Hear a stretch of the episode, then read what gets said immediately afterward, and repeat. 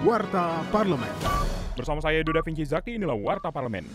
Wakil Ketua Komisi 8 DPR RI Aceh Hasan Zazili mendorong pemerintah untuk meningkatkan pelayanan haji tahun 2022 ini agar semua kebutuhan jemaah dapat terpenuhi. Hal itu disampaikannya usai melepas keberangkatan jemaah haji Bandung Barat di kota Bekasi, Jawa Barat baru-baru ini.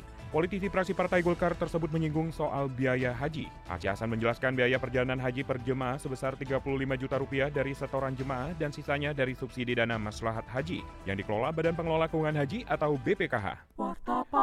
Dalam rapat kerja dan Menteri Pertanian, anggota Komisi 4 DPR RI Edward Tanur mendesak pemerintah untuk memikirkan kesejahteraan petani dengan penguatan stabilitas harga pasca panen. Jangan hanya membuat kebijakan yang bersifat insidentil. Mengenai stabilisasi harga pasca panen seperti kita lihat yang tadi harga beras masih di atas 10 ribu tapi harga gabahnya di bawah 4 ribu.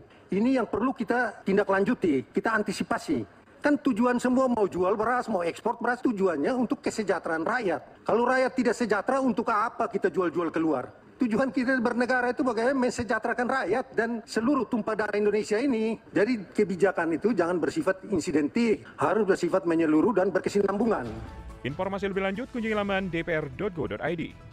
Anggota Komisi 9 DPR RI Edi Wuryanto mengungkapkan Komisi 9 DPR RI menerima audiensi pengurus Pusat Perkumpulan Dokter Indonesia Bersatu atau PDIB dan pengurus Forum Dokter Susah Praktik atau FDSP. Menurut politisi prasi PD Perjuangan itu, aspirasi para dokter tersebut akan dibahas dalam revisi Undang-Undang Nomor 29 Tahun 2004 tentang praktik kedokteran yang saat ini dalam tahap pendalaman Komisi 9. Masukan itu di antaranya, wewenang organisasi profesi, peran pemerintah dalam praktik kedokteran, serta sulitnya mendapatkan izin praktik hingga persoalan residensi. Televisi Radio Parlemen. Demikian Warta Parlemen, Produksi TV dan Radio Parlemen, Biro Pemberitaan Parlemen, Sekjen DPR RI.